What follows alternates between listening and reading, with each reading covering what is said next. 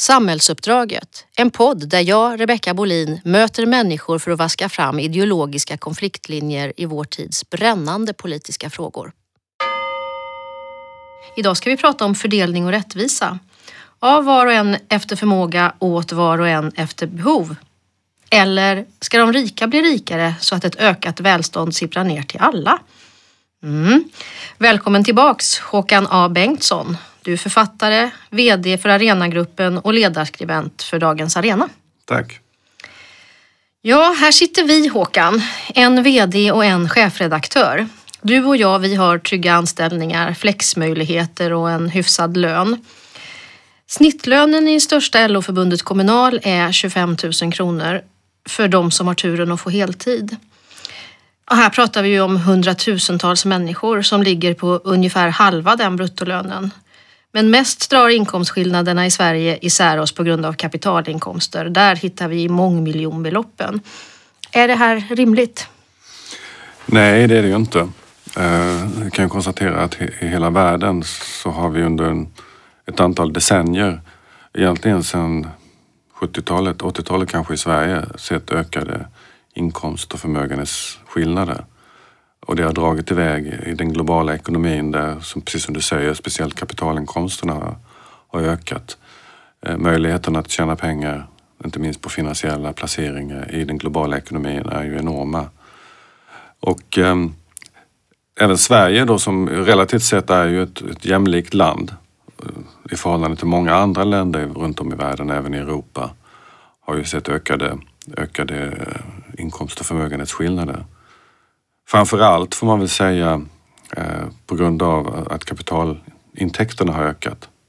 Dessutom har vi ju sänkt skatter på, på allt från fastighets, fastigheter till eh, arvsskatt och förmögenheter och så vidare.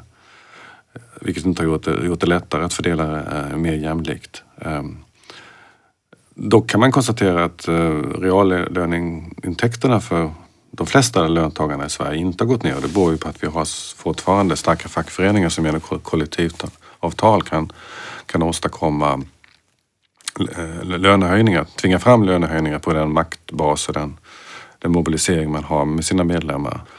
Det är, det är facket helt enkelt som, som, som är ett värn emot allt för stora, stora lönesänkningar och det ska vi vara glada för men det, ingenting är givet och det, det är också så att det sker en utmaning av i form av osäkra anställningar, i form av en arbetsmarknad i skugglandet med, med, med svart arbetskraft och företag i olika branscher som inte följer några kollektivavtal överhuvudtaget och arbetskraftsinvandring i, i den gråa sektorn så att säga. Så att här, här finns en stor utmaning.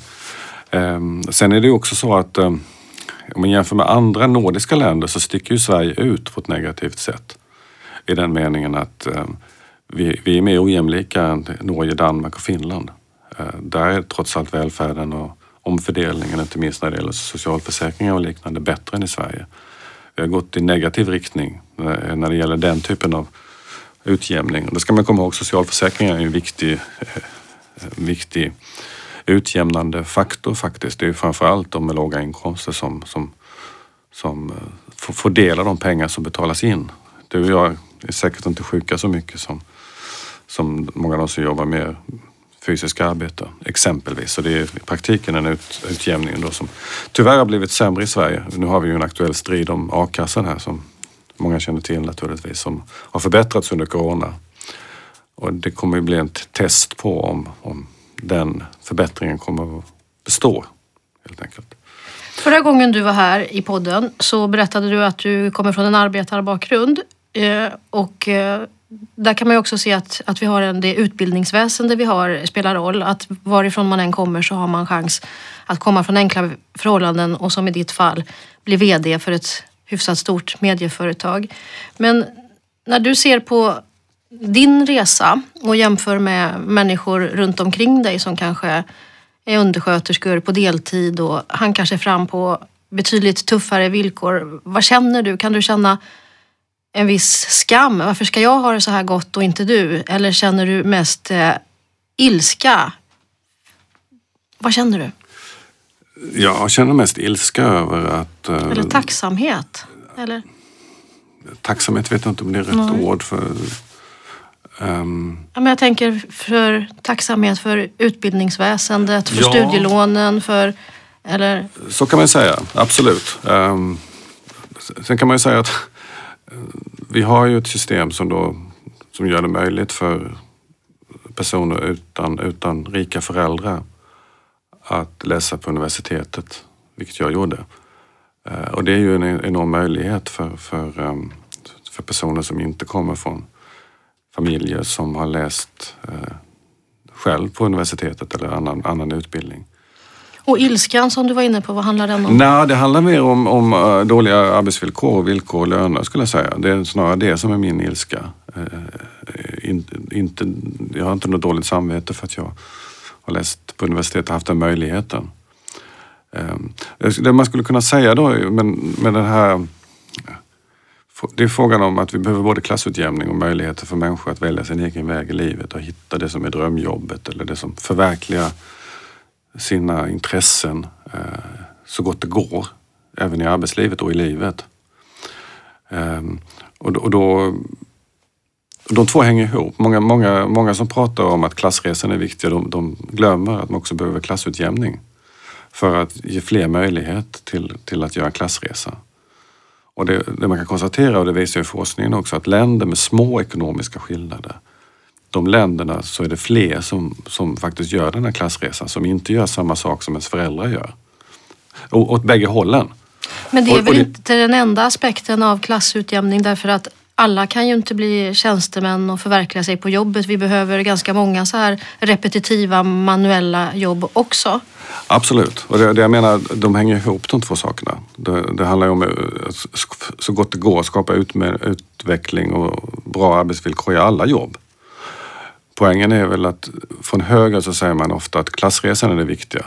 Det vill säga att eh, det behövs inte så mycket fördelning utan det viktiga är att alla startar från samma utgångspunkt och sen får man tävla. Och så, så väljer man det som pass, passar för. Eh, så funkar det inte i verkligheten för vi, vi kommer ju från olika utgångspunkter från början, inte minst när det gäller kulturellt kapital. Och just av det skälet så menar jag att fördelningspolitik handlar också om att utjämna skillnader. De två, de två sakerna hänger ihop. Ehm, och de befrämjar varandra. Ett, mer, ett, ett samhälle med små klasskillnader skapar också möjlighet för fler att välja det de egentligen vill välja. Och ehm, den, det sambandet är jag rädd för och det finns nog ganska mycket som talar för det, inte minst med tanke på hur utbildningssystemet har utvecklats. Att den, den är inte lika stark längre som det var kanske på 60-70-talet. Ehm, den möjligheten för, för fler att välja sin egen väg. Ja, vi vet ju att samhällen som inte har så mycket ramar och regler tenderar att dras mot en ökad ojämlikhet. En del säger att det kapitalistiska samhället i det avseendet inte är värre än andra system, men vilket också är omdiskuterat. Men oavsett vilket så är ju en sak säker. För att ett samhälle långsiktigt ska hålla samman så måste det till ramar. I den här serien kallar vi dem för samhällsvärn eh, som handlar om ett välfärdssamhälle och inte minst fördelning. De här ramarna, samhällsvärnen, måste ju ständigt bearbetas, förnyas, diskuteras, hållas högt. I vilken utsträckning tycker du att det sker idag, Håkan? De finns fortfarande kvar skulle jag säga, de här värnen. Vi har ju ett välfärdssamhälle, vi har en arbetsmarknadsmodell som även om den inte är lika stark som den varit tidigare skapar precis ett värn mot, mot uh, försämrade villkor, löner, vill, ja, ett, ett arbetsliv där, där vi går neråt i alla avseenden när det gäller, gäller trygghet och den ekonomiska ersättningen.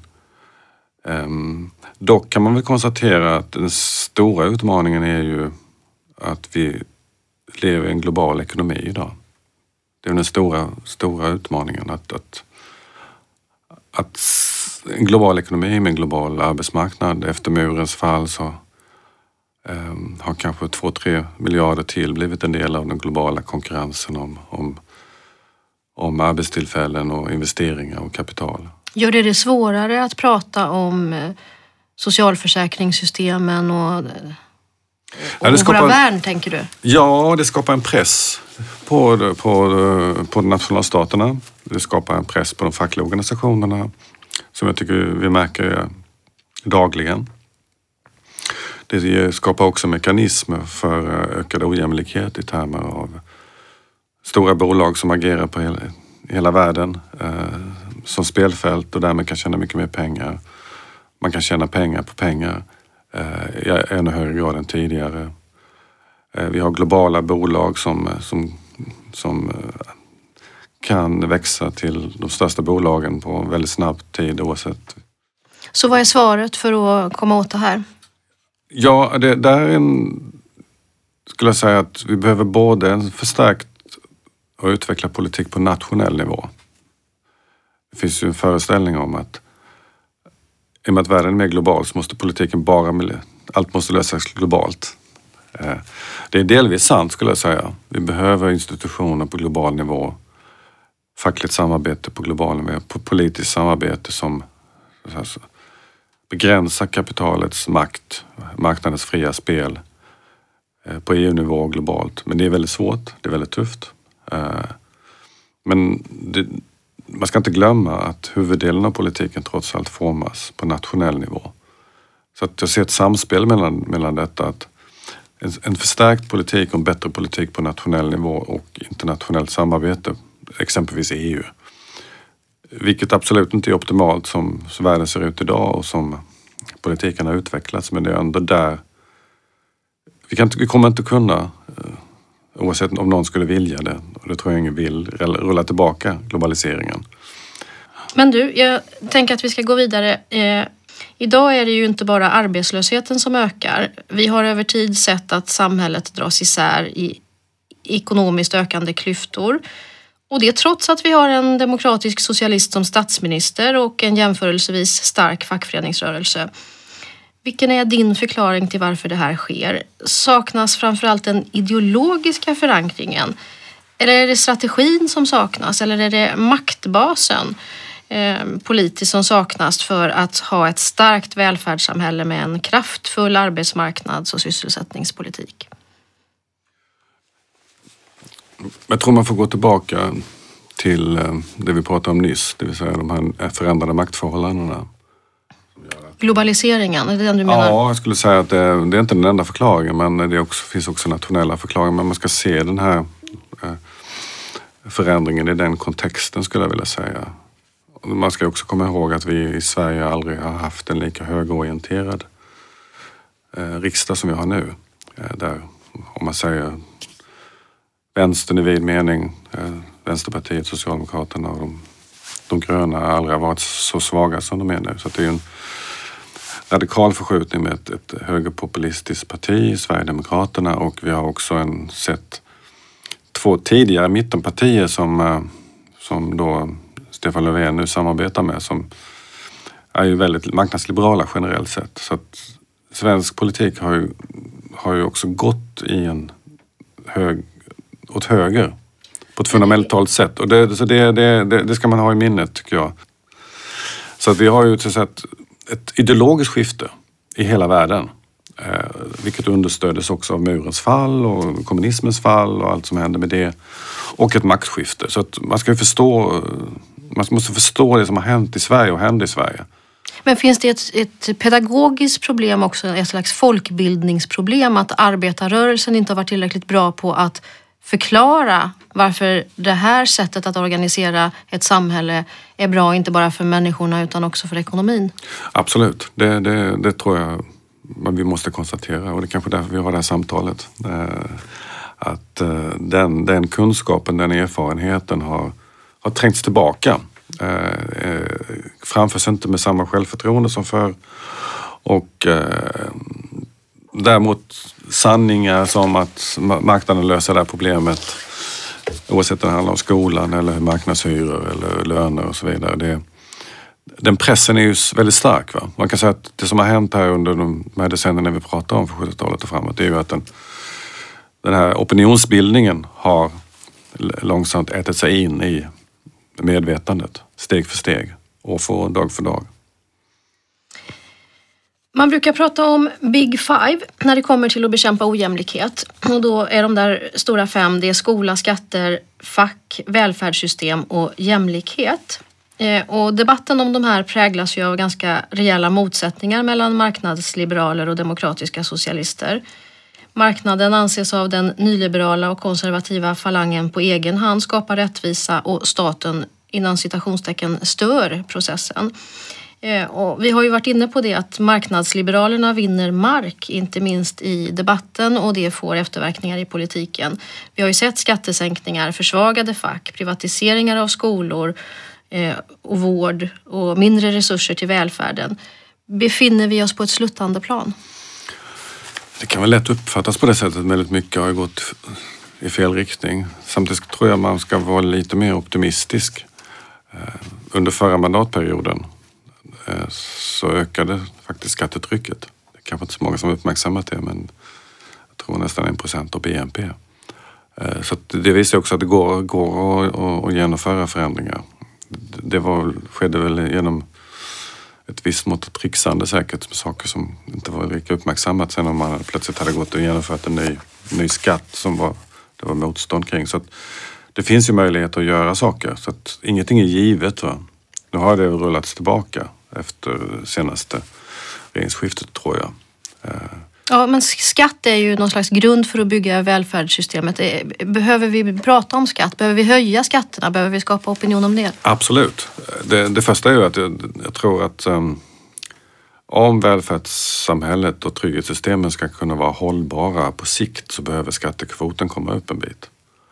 Man kan diskutera hur mycket men jag tror att det, det, den, den insikten tror jag alla som verkligen bryr sig om välfärdssystemen eh, och den, det, allt vad det innebär eh, inser. Jag tänker på en del av de här sakerna som vi pratar om så finns det ju en, ett folkligt stöd. Eh, till exempel tänker jag på så är en majoritet emot vinster i välfärden. Eh, och många förstår att det fria skolvalet ökar segregationen på ett sätt som är negativt för hela samhället. Eh, hur förklarar du att demokratiska socialister ändå tappar mark i de här frågorna? Ja, det, det, är, det är en bra fråga. eh, jag tror så här att mm, det finns alltid en spänning mellan vad folk egentligen tycker och hur säga, det politiska övergripande spelet gestaltar sig. Vad de politiska partierna tycker och tänker. I alla fall kan man ju konstatera att i det här fallet så finns det en mischmasch mellan de två. Eh, de flesta, de flesta är väldigt oroade över det här, gillar inte det, tycker inte om vinst i välfärden. I alla fall inte den marknadsmodell som vi har för tillfället. Eh, samtidigt som de politiska partierna har positionerat sig på ett annat sätt. Ehm, Socialdemokraterna har ju, har ju liksom en ideologisk riktning att vi ska inte ha bara stat eller bara marknad. Vi måste ha både och. Eh, och har det blivit för mycket marknadsorienterat i den balansgången? Ja, det är ju den svenska modellen kan man säga. Det är, det är liksom den historiska lärdomen att den, den, den, den balansen mellan, mellan en marknadsekonomi som producerar välfärd och en stat som, som fördelar det och, och skapar trygghet och skolvård och, skol, skolvård och omsorg.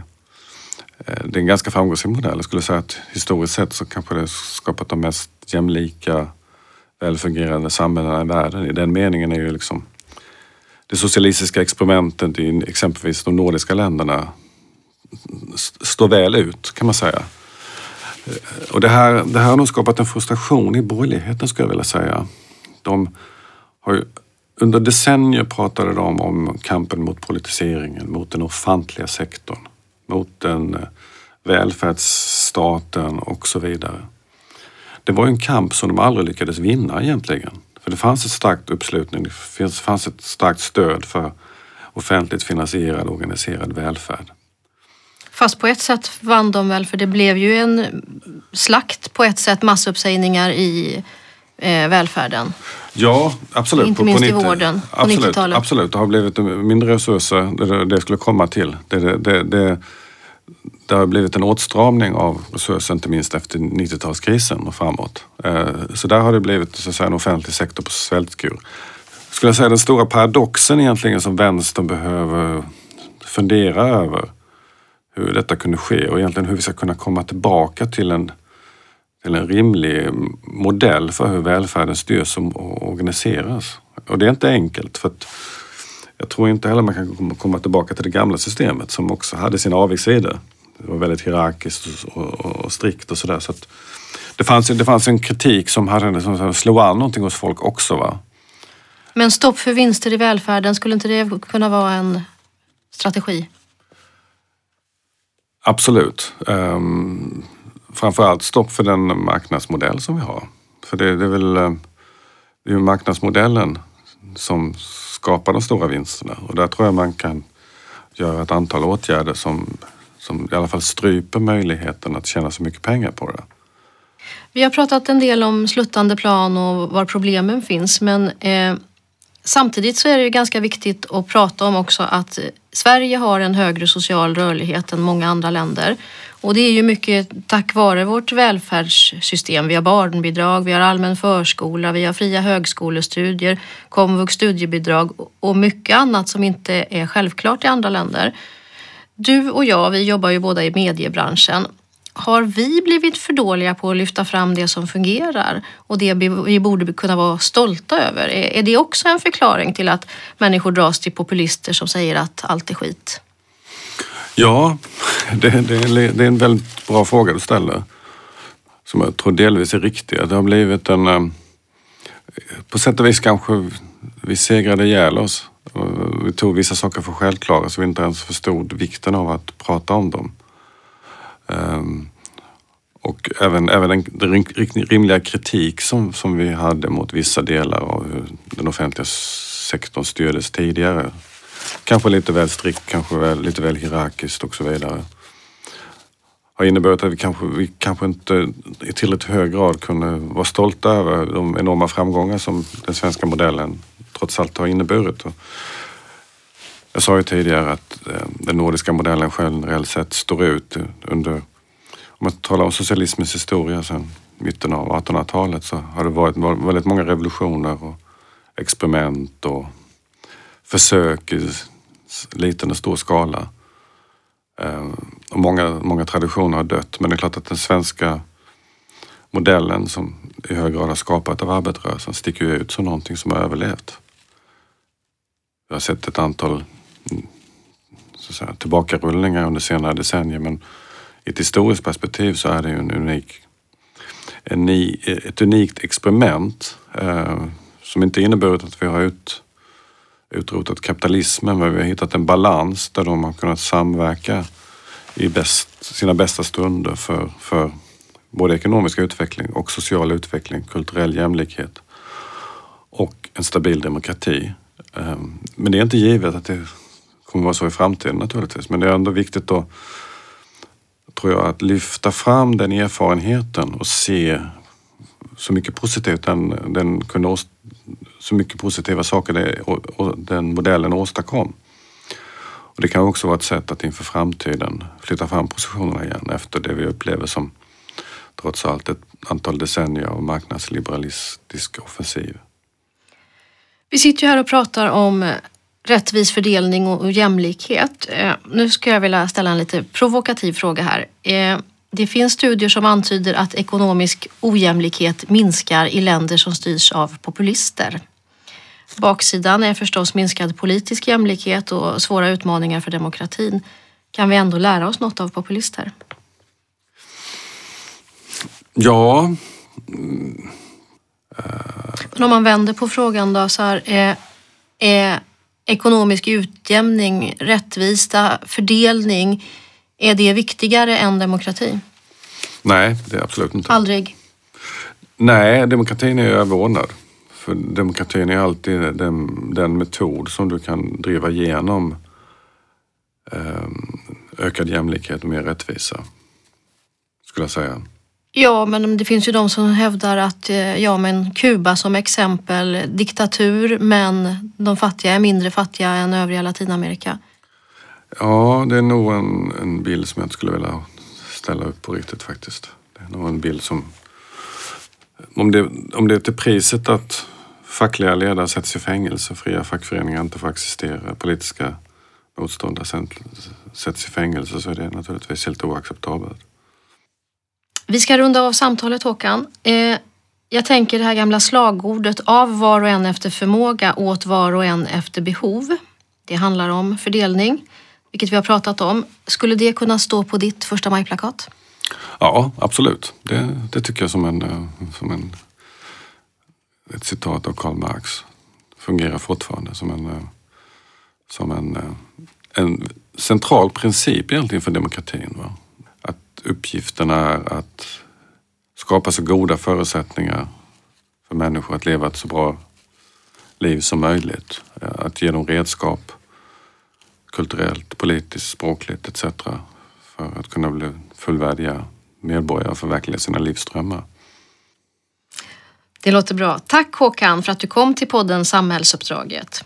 I nästa avsnitt så möter jag journalisten Helle Klein. Då ska vi prata mer om demokrati och yttrandefrihet och vi ska sätta fingret på varför populister är listigare än fascister. Du har lyssnat på Samhällsuppdraget, en podd producerad av Leopard förlag i samarbete med LO och ETC Nyhetsmagasin. Programledare var jag, Rebecka Bolin, producent Johanna Ekeroth och tekniker Petter Brundell.